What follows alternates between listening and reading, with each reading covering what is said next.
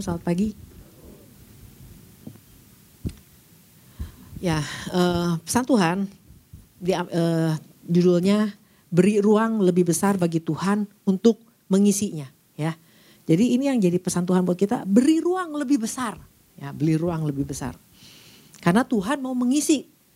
Nah, kalau dilihat dari pesannya diambil dari Mazmur 81 ayat yang ke-17. Dari ayat ini aja kita udah tahu bahwa Tuhan mau kasih sesuatu yang luar biasa ya. Ayat yang ke-17 dikatakan, tetapi umatku akan kuberi makan gandum yang terbaik dan dengan madu dari gunung, batu, aku akan mengenyangkannya. Ya itu bagian Tuhan. Tuhan mau kasih sesuatu yang luar biasa. Amin. Ya amin, harus amin.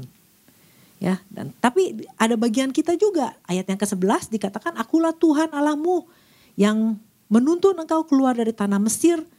Bukalah mulutmu lebar-lebar maka aku akan membuatnya penuh. Itu bagian kita. Nah jadi uh, Tuhan di warta ya kalau saudara baca di warta bahwa ada satu Tuhan mau sediakan sesuatu yang yang berkat yang luar biasa yang mungkin Tuhan mau bukakan sesuatu yang baru bagi kita.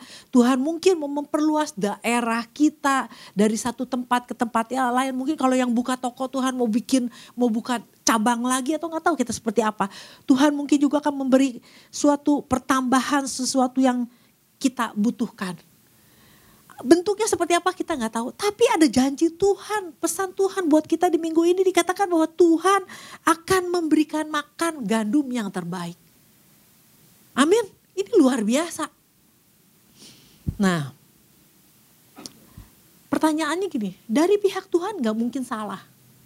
Ya, Tuhan nggak mungkin lalai menepati janjinya.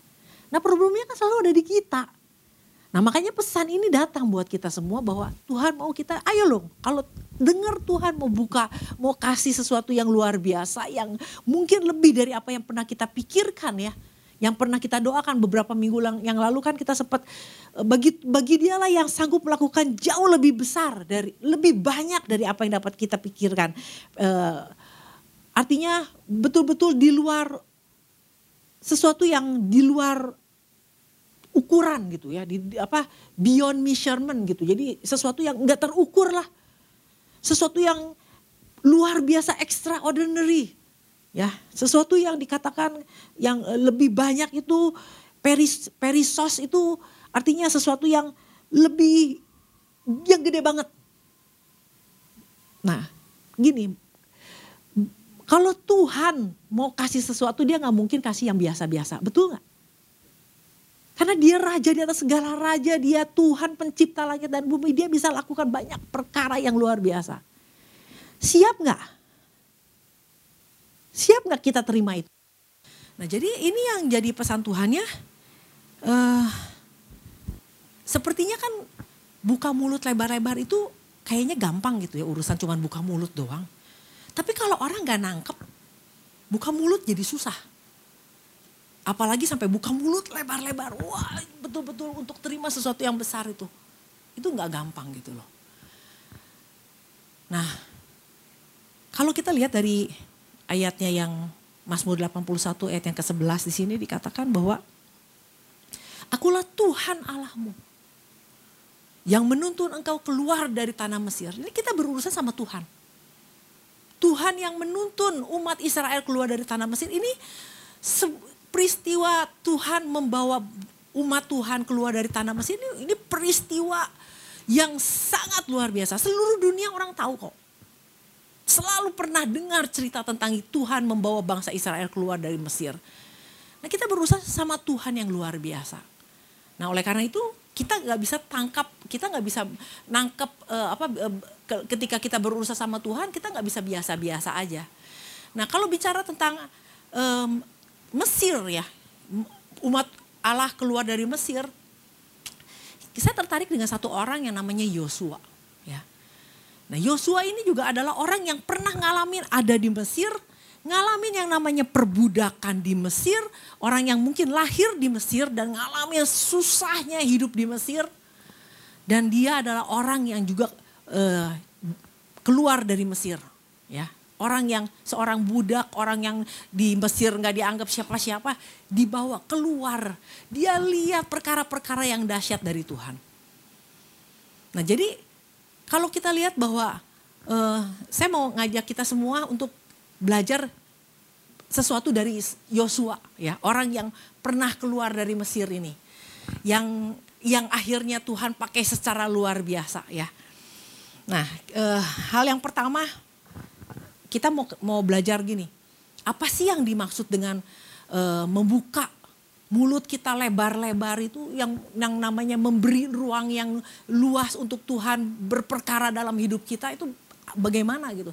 Nah, paling gampang kita belajar dari dari Yosua ya.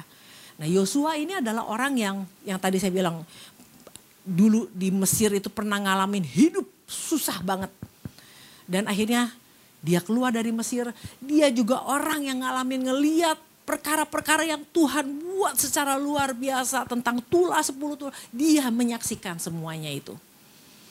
Nah jadi, tapi Tuhan sampai akhirnya memakai Yosua yang tadinya budak yang hidupnya susah, sampai Tuhan bisa pakai secara luar biasa itu. Nah kita mau belajar dari Yosua ini. Yang pertama adalah gini loh, Yosua itu adalah orang yang sangat mengerti, sangat paham siapa dia berurusan dengan siapa. Dia berurusan dengan Tuhan yang luar biasa. Yang pertama itu.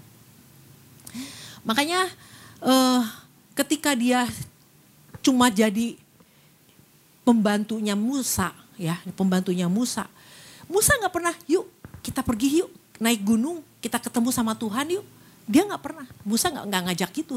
Tapi ke mana Musa pergi, Yosua ikut jadi waktu Musa pergi naik ke gunung, ke puncak gunung di mana Yosua nggak bisa, dia ada di tengah-tengah gunung. Pokoknya dia akan dia punya satu kerinduan.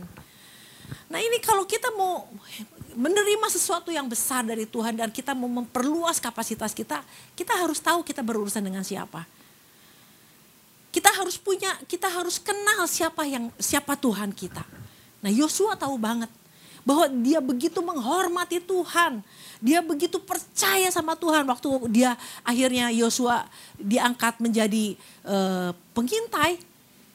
Yang sepuluh pengintai merasa uh, yang apa uh, merasa nggak bisa masuk. Yosua bilang pasti bisa sebab yang menyertai kita ini luar biasa. Sampai pada akhir dia di masa tuanya dia bilang bahwa semua orang boleh menyembah siapa aja. Tetapi aku dan seisi rumahku aku akan menyembah kepada Tuhan. Jadi dia betul-betul berurusan dengan Tuhan yang dia sangat hormati. Dia tahu janji Tuhan itu pasti digenapi. Dia tahu penyertaan Tuhan yang luar biasa. Nah ini yang, yang membuat dia siap untuk terima dari Tuhan. Karena dia tahu dia berurusan dengan Tuhan yang luar biasa. Jadi kalau kita sama Tuhan aja biasa-biasa, malah nggak terlalu kenal Tuhan, terus kita dapat pesan bahwa Tuhan mau kasih kita hal sesuatu yang luar biasa, maknya bisa gitu. Nah jadi pahami dulu, punya kedekatan dulu sama Tuhan, punya apa punya pengetahuan dulu dah dengan, dengan Tuhan. Punya hubungan dulu dengan Tuhan seperti Yosua. Makanya kalau dilihat eh, Yosua itu uh, hatinya lurus banget sama Tuhan. Dia percaya banget sama Tuhan. Tuhan bilang apa pun dia percaya. Nah kalau ada mulai ada keraguan dari kita, nggak akan pernah bisa memperluas kapasitas kita. Cukup sampai di situ karena kita udah nggak mungkin lah Nah, bagaimana dengan kita? Kita tahu, kenalkah kita sama Tuhan kita yang luar biasa itu? Bahkan sampai jadi apa ya sampai Yosua tua aja dia masih masih punya satu komitmen, punya satu apa ya keteguhan hati. Pokoknya mah semua orang boleh beribadah kepada siapa aja, tapi aku dan seisi rumahku mah tetap Tuhan yang aku percayai. Dari masa muda aku sampai masa tua aku cuma Tuhan yang aku percayai. Dia tahu dia merasakan penyertaan Tuhan. Nah, itu yang pertama. Yang kedua, yang kita bisa pelajari dari seorang Yosua adalah gini. Uh, untuk menggantikan posisinya Musa ya, ini Musa kan pemimpin gede, pemimpin yang luar biasa. Menggantikan Musa tuh nggak gampang. Dia dari seorang yang biasa-biasa aja sampai akhirnya dipercaya untuk jadi kepala suku ya. Dan makanya dia dipilih jadi salah satu di pengintai itu itu 12 12-nya ini bukan orang biasa-biasa, bukan warga biasa, tapi ini kepala suku. Sampai udah diseleksi bisa jadi kepala suku aja ini udah luar biasa. Tetapi apa? Yang sepuluh suku ini, yang sepuluh pemimpin ini merasa dirinya kecil. Nah Yosua ini gak pernah merasa dirinya kecil. Walaupun kalau mau dilihat-lihat, aduh dulu siapa sih gua gitu. Nah ketika Tuhan bilang kamu gantiin Musa. Dia gak pernah bilang aduh Tuhan gak mampu. Aduh Tuhan gak bisa saya kayaknya nggak bisa gantiin Musa. Enggak, kita nggak pernah baca Yosua meragukan Tuhan, meragukan perintahnya Tuhan. Bahwa Tuhan bilang mulai saat ini aku akan angkat kamu jadi pemimpin menggantikan Musa. Dan kamu akan bawa seluruh bangsa Israel yang jutaan ini nyebrang. Ini tugas besar nggak? Besar dahsyat. Yang Yosua mungkin nggak pernah mikirin sebelumnya. Tapi waktu dia dapat perintahnya Tuhan, dia terima itu. Dia nggak pernah mengukur dirinya tuh kecil. Nah ini yang jadi sering kali yang jadi problem anak-anak Tuhan. Kenapa merasa dirinya kecil? Karena selalu ukuran yang dia pakai untuk siapa identitasnya adalah dia pekerjaannya. Kalau pekerjaannya ada saya mah cuman tukang parkir, mana mungkin dapat hal yang dahsyat dari Tuhan. Nah kalau kita mikir kita adalah pekerjaan kita, nggak akan mungkin. Saya kan cuma ibu rumah tangga. Saya kan cuma apa ya, enci-enci yang jaga toko. Engkau-engkau yang jualan, iya yang kecil-kecil. Saya mah gak bisa apa, saya cuma jaga warung. Gak mungkin bisa melakukan itu. Nah sering kali kita dibatasi dengan apa yang kita kerjain. Pekerjaan kita apa, itulah kita. Nah kalau Yosua mikir kayak gitu, aku kan cuma kepala suku, ngegantiin Musa yang gede, kayaknya gak mungkin. Yosua selalu lihat dirinya bukan dia di, di, uh, dibatasi dengan kerjaannya dia. Dia tahu dia adalah anak Allah yang maha tinggi. Dia tahu bahwa dia adalah umat Tuhan, ciptaan Tuhan. Nah kalau kita renungkan lagi bahwa siapa sih kita? Jangan dibatasi dengan status kita, dengan dibatasi dengan gender, jangan dibatasi oleh uh, apa kita kerjaannya apa, jangan dibatasi oleh itu. Kita dipilih Tuhan, diciptakan Tuhan, bahkan waktu di dalam kandungan ibu kita, Tuhan itu ikut campur di dalamnya. Dia mendampingi pertumbuhan kita waktu kita ada dalam perut. Karena kita ciptaan Tuhan yang luar biasa. Dan Tuhan bilang, Tuhan percayakan kita untuk berkuasa. Ini dahsyat ini. Nah kalau kita cuma berpikir bahwa saya kan cuma tukang ini, saya kan cuma ini, cuma ini, kita nggak akan bisa memperluas. Kita nggak akan pernah bisa uh, apa extend lagi. Segitu-gitu aja. Ya, jadi siapa kita? Kita ciptaan Tuhan yang luar biasa. Identitas kita adalah kita adalah anak-anak Allah, bukan identitas kita karena kita bekerja sebagai A, B, C, D Amin. Nah jangan dibatasi itu. Nah, oleh karena itu, mulailah. Kalau kita gini, ikut Tuhan, gak punya kedekatan sama Tuhan, lama-lama kita lupa identitas kita. Yang kita tahu bahwa kita ini adalah si A, si B itu yang tadi kita pikirkan. Kenapa? Karena kita jauh dari Tuhan. Tapi kalau kita terus menerus dekat sama Tuhan, Roh Kudus akan selalu ingatkan kita, kita ini luar biasa. Semakin kita jauh ya dari Tuhan, semakin kita kehilangan identitas kita. Yang yang ketiga yang kita bisa pelajari dari dari Yosua. Begitu dia dapat saya mau ngajak kita lihat Yosua 1 Ya, ini yang yang tugas yang dari Tuhan kepada Yosua tuh gini. Yosua 1 ayat yang kedua. Hambaku Musa telah mati. Sebab itu bersiaplah sekarang seberangilah sungai Yordan ini. Engkau dan seluruh bangsa ini menuju negeri yang akan kuberikan kepada mereka, kepada orang Israel. Setiap tempat yang akan diinjak oleh telapak kakimu, ini ini ini ini luar biasa banget. Tuhan kasih kepercayaan yang luar biasa ya. Setiap tempat yang akan diinjak oleh telapak kakimu, kuberikan kepada kamu seperti yang telah kujanjikan kepada Musa. Ini kalau kalau Yosua merasa kecil, ini nggak akan pernah bisa terjadi. Tapi kalau dia punya kapasitas yang besar, waktu Tuhan bilang setiap tempat yang kamu injak itu jadi miliknya, amin. Percaya. Karena kapasitasnya. Nah, jadi kapasitas kita yang kecil itu kalau Tuhan kasih yang gede, kita nggak akan percaya, nggak yakin. Karena kita yang terlalu kecil untuk itu. Nah, waktu Yosua udah terima dari Tuhan bahwa sama seperti kita nih, terima pesan Tuhan bahwa Tuhan akan memberikan gandum yang terbaik. Dia nggak cuma sekedar ngobrol sama orang, eh hebat ya, pesan Tuhannya ya, Tuhan mau kasih gandum. Kamu dapat pesan apa? Di, di gereja kita mah, uh, dikasihnya gandum-gandum yang terbaik sih, dikasih dikasih madu-madu yang manis loh di gereja kamu kan enggak ya, wah kita mah hamba Tuhannya terima terus dari, dari, dari Tuhan. Jadi menerima sesuatu yang dahsyat dari Tuhan bukan cuma dibicarakan. Apa yang dilakukan oleh oleh Yosua? Dia langsung mempersiapkan diri. Dia ready dan prepared gitu. Nah, kalau kita lihat di ayat yang ke-10, lalu Yosua memberi perintah kepada pengatur-pengatur pasukan bangsa itu katanya. Jalanilah seluruh perkemahan dan perintahkanlah kepada bangsa itu demikian. Sediakanlah bekalmu sebab dalam tiga hari kamu akan menyeberangi sungai Yordan ini. Dan untuk menduduki negeri yang akan diberikan Tuhan alamu kepadamu untuk diduduki. Ada persiapan.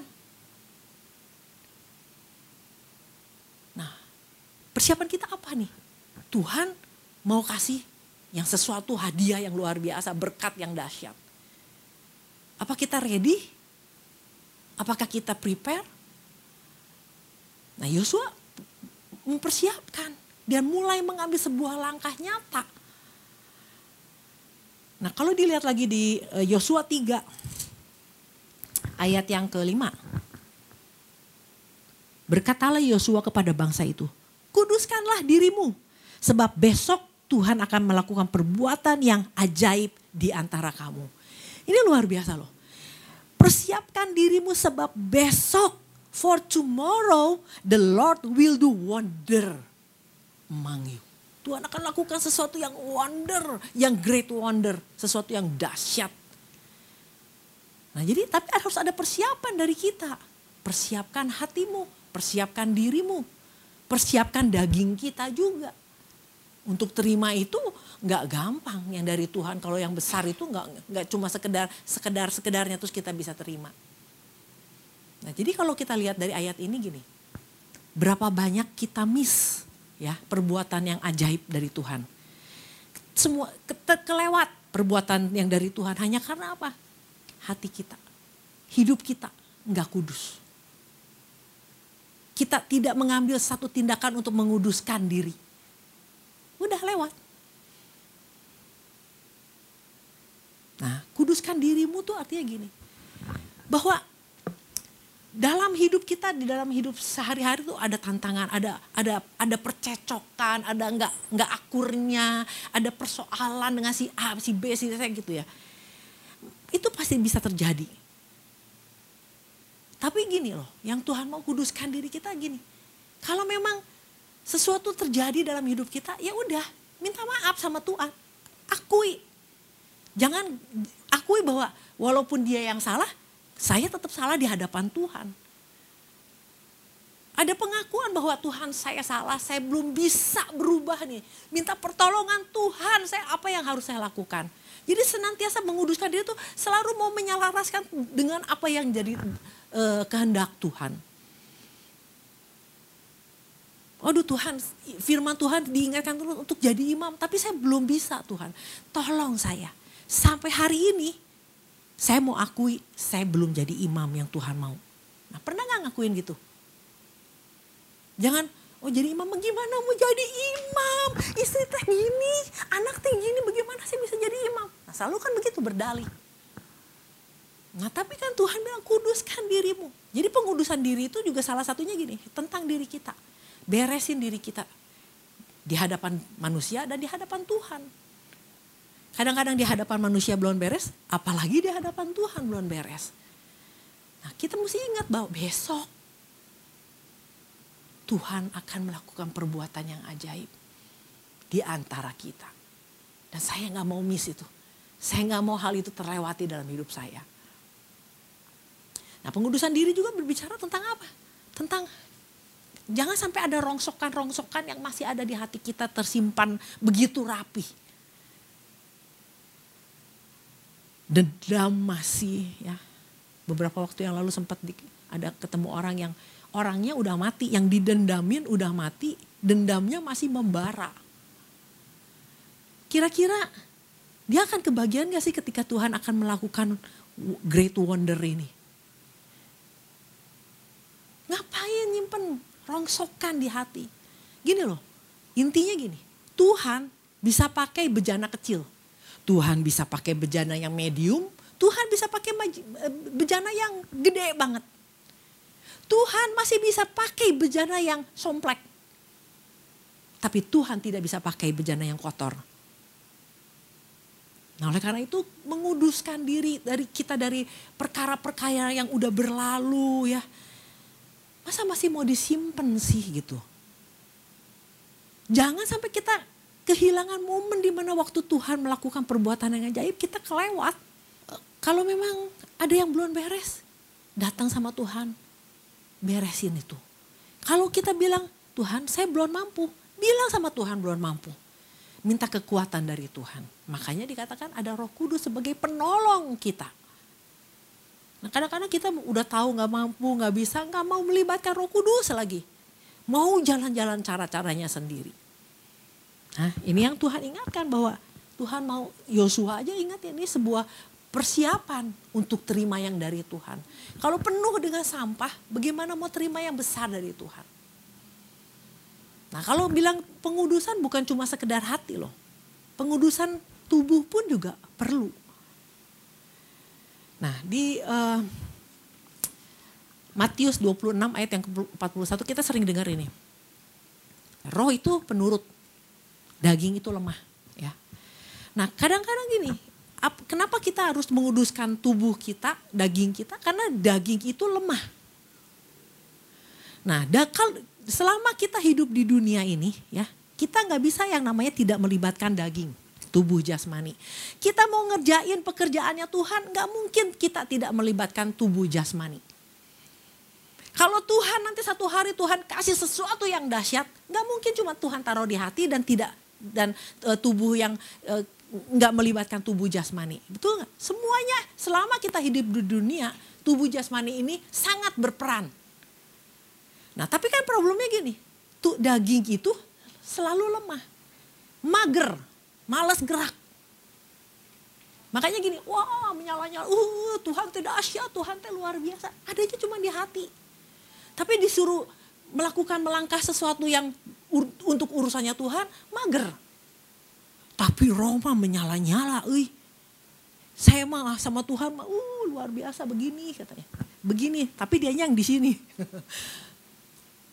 nah, jadi uh, kalau kita mau ikut Tuhan, mau mau terima yang dahsyat dari Tuhan, kita mesti latih daging kita nih yang pemales ini. Daging itu harus kita uh, harus harus bangkit dan bisa selaras dengan roh kita. Waktu roh menyala-nyala, daging juga jalan. Nah jadi perlu yang namanya menguduskan daging itu bukan cuma sekedar oh iya ya sekarang mah saya udah nggak berjinah loh. Sekarang mah saya udah nggak merokok loh. Saya udah nggak ini. Wah daging saya mah udah kudus. Enggak. Kalau mau ikut Tuhan mageran ya. Kita belum belum sungguh-sungguh mempersembahkan tubuh kita. Di dalam Roma 12 kan dikatakan persembahkanlah tubuhmu. Nah kita tuh kadang-kadang gini rohnya doang yang menyala-nyala. Belum mempersembahkan tubuh kita buat Tuhan. Makanya gini kalau tubuh kita mager, roh yang menyala-nyala juga ayo dong gerak dong, gerak dong. Ini di dalam roh udah menyala-nyala, ayo dong gerak dong. Dia diam aja. Sampai akhirnya rohnya dia, ya udahlah ikut aja.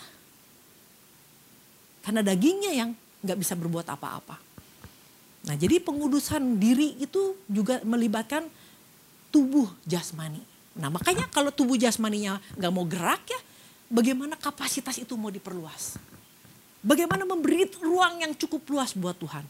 Nah kalau kita lihat di dalam Roma 6 ayat yang ke-13.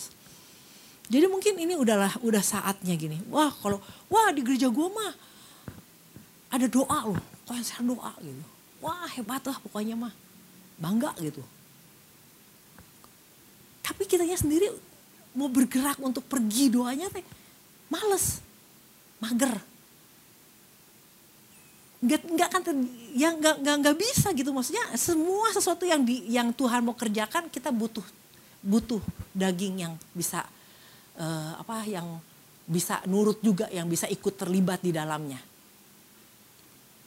Makanya kenapa tubuh harus sehat, kenapa tubuh harus uh, energik, ya karena memang nanti kerja hal-hal yang dahsyat dari Tuhan itu butuh butuh mobilnya, butuh kendaraannya itu tubuh kita. Ya, oleh karena ayat yang ke Roma 6 ayat yang ke-13 dikatakan dan janganlah kamu menyerahkan anggota-anggota tubuhmu pada dosa untuk dipakai sebagai senjata kelaliman. Tetapi serahkanlah dirimu kepada Allah sebagai orang-orang yang dahulu mati tetapi yang sekarang hidup dan serahkanlah anggota-anggota tubuhmu kepada Allah untuk menjadi senjata-senjata kebenaran. Nah, jadi Tuhan mau pakai tubuh kita juga loh. Nah kadang-kadang gini, kita tubuh ini terlalu banyak excuse ya. Dia punya banyak alasan, udahlah. Ngapain sih gereja cuma sejam, ongkos, nanti ini, waktu, ah udah. Nah tubuh tuh yang males itu orang males selalu punya banyak alasan, betul gak? Nah kadang-kadang aduh lagi enak nih nonton, lagi enak nih punya kegiatan ini gitu. Nah kita menyerahkan diri kita untuk melakukan hal-hal yang bukan urusannya Tuhan lebih lebih bisa gitu, lebih mampu. Tapi begitu urusannya Tuhan kita mager. Nah oleh karena itu biarlah malu pesan ini kita belajar dari Yosua ya sebuah gambaran yang bagaimana seorang yang yang tadi seorang budak yang lahir di Mesir yang ngalamin kesulitan. Tapi ketika Tuhan mau pakai dia secara luar biasa dan Tuhan bilang bahwa hari ini aku akan membesarkan namamu. Jadi kalau kita kitanya mau memberikan ruang buat Tuhan, Tuhan akan terus memperluas, memperbesar kita. Jadi jadi sesuatu. Nah, semuanya tergantung dari kita. Kita terima, kita dengar, apa persiapan kita? Nah, Yosua sadar betul dia berurusan sama Tuhan. Jadi gini, yang saya, yang menarik dari Yosua yang beda dari Musa. Yosua selalu melihat Allah itu sebagai raja. Perkataan raja itu bukan untuk di ah Tuhan nggak bisa lah yang gini untuk ditawar untuk negosiasi dengan raja di atas segala raja. Kalau raja udah berfirman kita harus ikut. Nah itu Musa kan masih suka, aduh Tuhan saya kan nggak pandai nggak pandai ngomong, saya kan nggak nggak bisa gini. Yosua enggak loh. Nah oleh karena itu melalui uh, pesan Tuhan pagi hari ini kita belajar. Saya juga belajar. Saya juga diingatkan bahwa bukan cuma sekedar punya roh yang menyala-nyala. Tapi kalau tubuh kita nggak dibiasakan untuk giat di dalam Tuhan. Lama-lama roh itu juga nggak bisa ke mana-mana. Terkurung di dalam tubuh yang malas, yang lemah. Karena itu kalau Tuhan ingatkan tentang persiapan. Coba tanya lagi sama diri kita. Persiapan apa nih? Sekiranya Tuhan kasih yang dahsyat, siap gak nih saya? Demikian firman Tuhan, Tuhan berkata.